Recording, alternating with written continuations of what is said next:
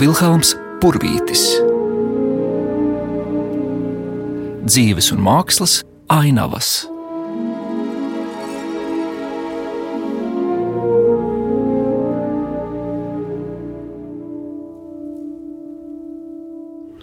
Es esmu Māra Lāce, šobrīd Latvijas Nacionālā Mākslas muzeja direktore. Nu, mēs varētu teikt, eh, savu veidu kolēģi Vilhelmam Purvītam. Jā, tā nu Vilhelma Purvīša tajā dzīvē sanāca, ka 19. gadā, tātad 1919. gadā, viņš tika aicināts kļūt par Rīgas pilsētas mākslas muzeja direktoru. Tas bija ļoti komplicēts un sarežģīts laiks, jo viņu aicināja toreizējā Latvijas padomju valdība, kas uz īsu brīdi šeit bija. Tieši konkrēti Andrejs Upīts, kurš ieņēma noteiktu teiksim, amatu šajā valdības sastāvā, viņš bija tas, kurš aicināja Vilhelmu Purvīti arī ieņemt šo amatu.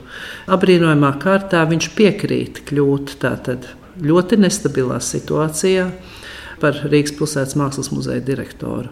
Muzejs, kurš ir absolūti tajā laikā šīs, nu, teiksim, ja tā var teikt, vāciskās kultūras idejas aizstāvis un nesējis un pēc savas būtības, jo tas ir muzejs, kurā latviešu mākslas darbu kolekcijā ir apmēram desmit.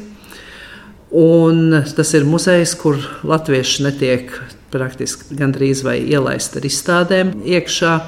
Bet Vilhamam Purvītam šajā muzejā ir bijusi jau personāla izstāde. Tā kā viņam ir sava veida, varētu teikt, šīs attiecības ar šo muzeju. Viņš ienāk šeit, viņš pārņem visu, visu šo saimniecību, teiksim, lielo, un tad mainās atkal varas.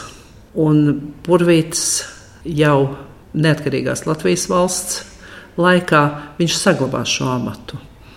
Pat tas jautājums vismaz nekur, nekādos dokumentos nevar nolasīt to, ka varbūt būtu pacēlies jautājums, ka lielinieku, kā saka, kā toreiz teica, lielinieku laikā ielikt amatpersona, varbūt būtu jāizskata jautājums par tās atbrīvošanu no amatpienākumiem. Šāds jautājums netiek pacelts.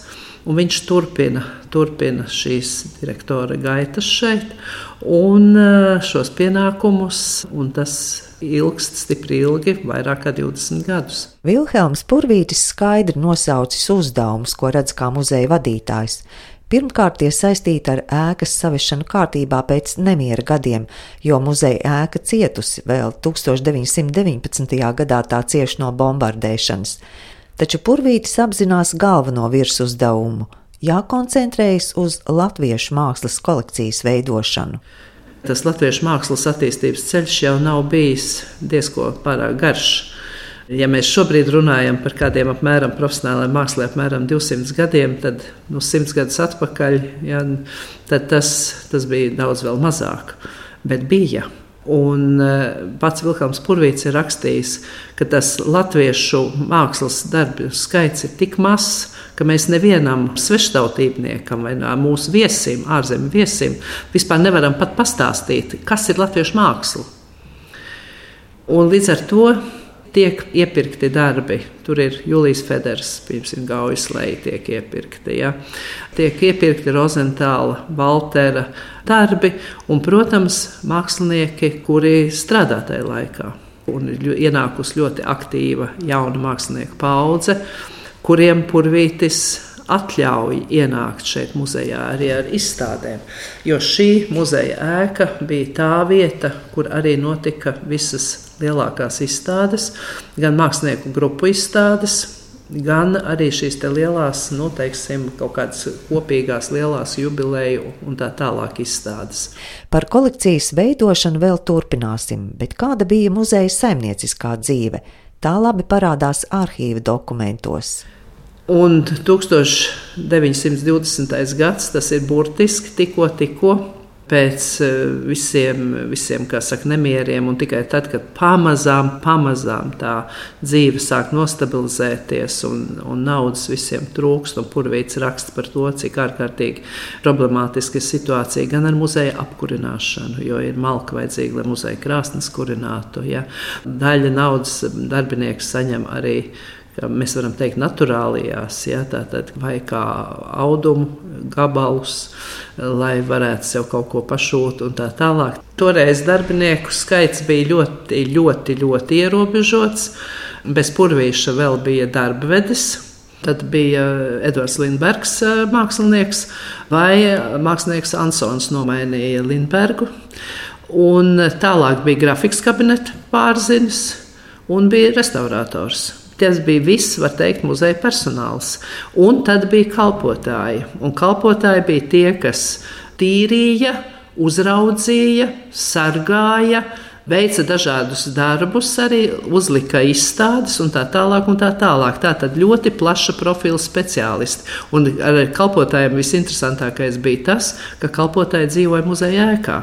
Pēdējais, starp citu, kalpotāja dzīvoklis, ja pareizāk sakot, viena telpa, to pat dzīvokli varbūt bija grūti saukt, tika likvidēts eh, muzejā 1983. gadā. Tad, kad tiešām aizsaulē aizgāja pēdējais no šiem muzeja pieņemtajiem kalpotājiem.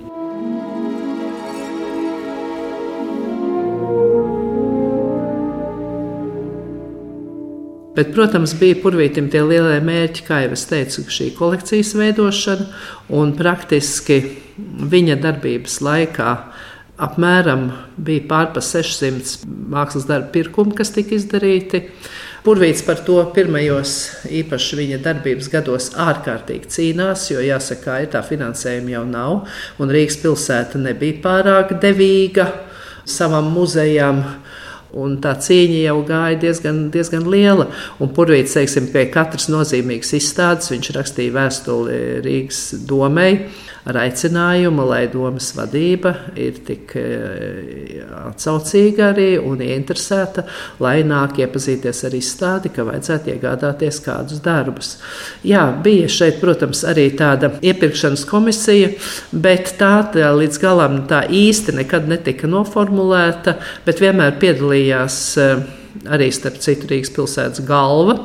Bet reizē man skatoties un pētot arhīvu materiālus, man bija tāda sajūta, ka pamatā Galvenokārt jau noteica purvīts viens pats visu to. Ja.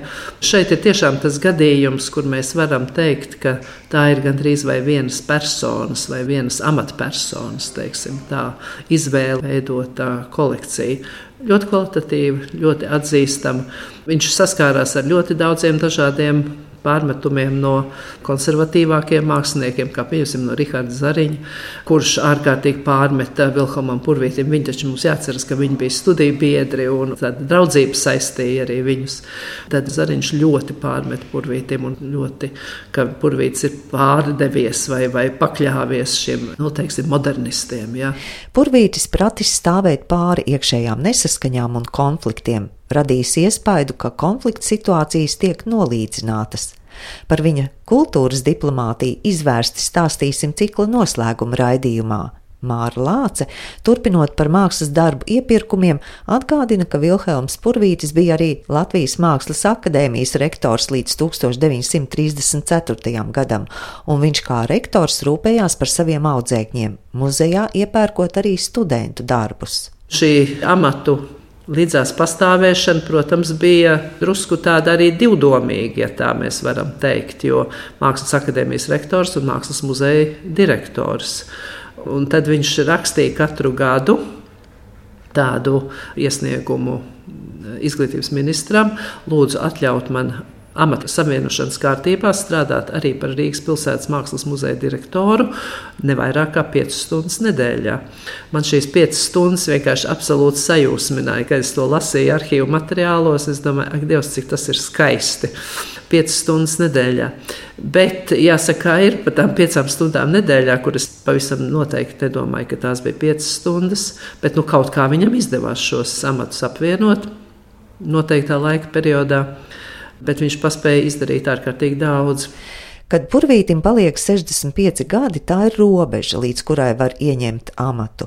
Tomēr purvītim termiņu pagarina, un viņš turpina vadīt muzeju, jo viņa autoritāte ir milzīga. Tad, protams, nāca 1940. gads, un 40. gada 1. jūlijā jaunā atkal padomju vara, kas ir atnākusi. Nu, nomaina purvīti, un viņš tiek atbrīvots no amata pienākumu pildīšanas šajā muzejā. Un tad nāk no, tas, atkal tas, atkal tas nākamais smagais laiks, tā ir otrā okupācija, tātad šīs nacistiskās Vācijas okupācijas periods, kurā purvīti atkal atjauno amatā. Atjauno amatā, bet šis periods, protams, nu, var dot viņam kaut kādu zināmu kā gandarījumu tādā ziņā, ka nu, viņš tiek atjaunots amatā, bet zaudējumi jau ir bijuši ir jau ļoti daudz. Un tas ir, var teikt, tas kara gadi ir tas beigu sākums. Viņš eh, tiek kaut kādā veidā gatavots šīm bēgļu gaitām, šai emigrācijai un to daudzo darbu līdzi ņemšanai un to darbu pazušanai, kuras redzu, ka tā tāda fatāla nenovēršamība praktiski bija laikam. No vienas puses, man tā ir tāda pilnīgi absolūti nereāla sajūta, ka viņš te ir eh, staigājis, jo, protams, muzejs šobrīd ir pavisam savādāks viņš šeit ir staigājis, pat arī gleznojis, jo man viens no, no tā laika darbiniekiem, ar kuru es arī sastapos vēl muzejā, ienākot kā tāds jauns skuķēns. Kad man stāstīja, ka šeit ir bijusi arī muzejā viena atsevišķa telpa, kur purvīts esot arī pat vēl paspējis gleznot, arī, ka viņš esot, ir atradušies ir vairākie audekli novietoti uz, eh, uz molbertiem, un ka viņš esot kaut kādā brīdī arī pieslēdzies gleznošanai šeit, šajās telpās. Purvītis Nu, viņš, viņš tomēr bija atturīgs cilvēks ļoti. Ja, es tieši tā arī domāju, ka viņš vadīja šo institūciju, šo muzeju, ka viņš vadīja ļoti racionāli, ļoti, es gribētu teikt, ļoti pārdomāti, bez tādām liekām, droši vien emocijām. Nu, darīja to, kas ir jādara. Var tikai reizēm apbrīnot to, ar kādu, cik pārdomāt, teiksim, arī kaut vai pirmajos Latvijas valsts, neatkarīgās Latvijas valsts gados, cik pārdomāt viņš risina arī tos saimnieciskos jautājumus. Tātad viena aiz otra, jo tur ir jautājumi. Protams, tie ir tīri muzejiski tādi jautājumi, kur ir nu, praktiski tas nevienu īpaši var ne, arī neinteresēt. Kas ir saistīti kaut vai ar, ar kaut kādu tur muzeju to šo arhitektonisko rotājumu savekšanu kārtībā, vai atkal ar tādu vienkārši kaut kādu smieklīgu lietu, kā, teiksim, nobruģēt uh, ielu pie muzeja, jo muzeja iela, kas uh, nav bruģēta, izrādās tajā laikā, ja? un vienkārši visi dubļi tiek nesti iekšā muzejā. Ja? Tātad it kā šie saimnieciskie jautājumi ir tik, nu, tik, tik varbūt triviāli, bet nu, tie ir tie, kas soli pa solim tiek darīti un diezgan tā mērķiecīgi, un viņš ļoti neatlaidīgs bija. Ja? Un viņš ļoti neatlaidīgi, nepārtraukti vērsās pie Rīgas domes ar visām šīm lietām. Ja? Un tā kā mums ir saglabājušies visi šie noraksti no šīm vēstulēm, ja? Tad tas ir ārkārtīgi interesanti. Vidējais apmeklētāju skaits gadā bija ap 50 tūkstoši. Ņemot vērā, ka muzejs bija atvērts ierobežotā laikā līdz trijiem pēcpusdienā, tātad diennakts gaišajā laikā, tas nemaz nav tik maz, norāda Māra Lāce, ar kuras gādību iepazinām Vilhelmu Purvīti kā Rīgas pilsētas mākslas muzeja direktoru. Vilhelms Purvītis Dzīves un mākslas ainavas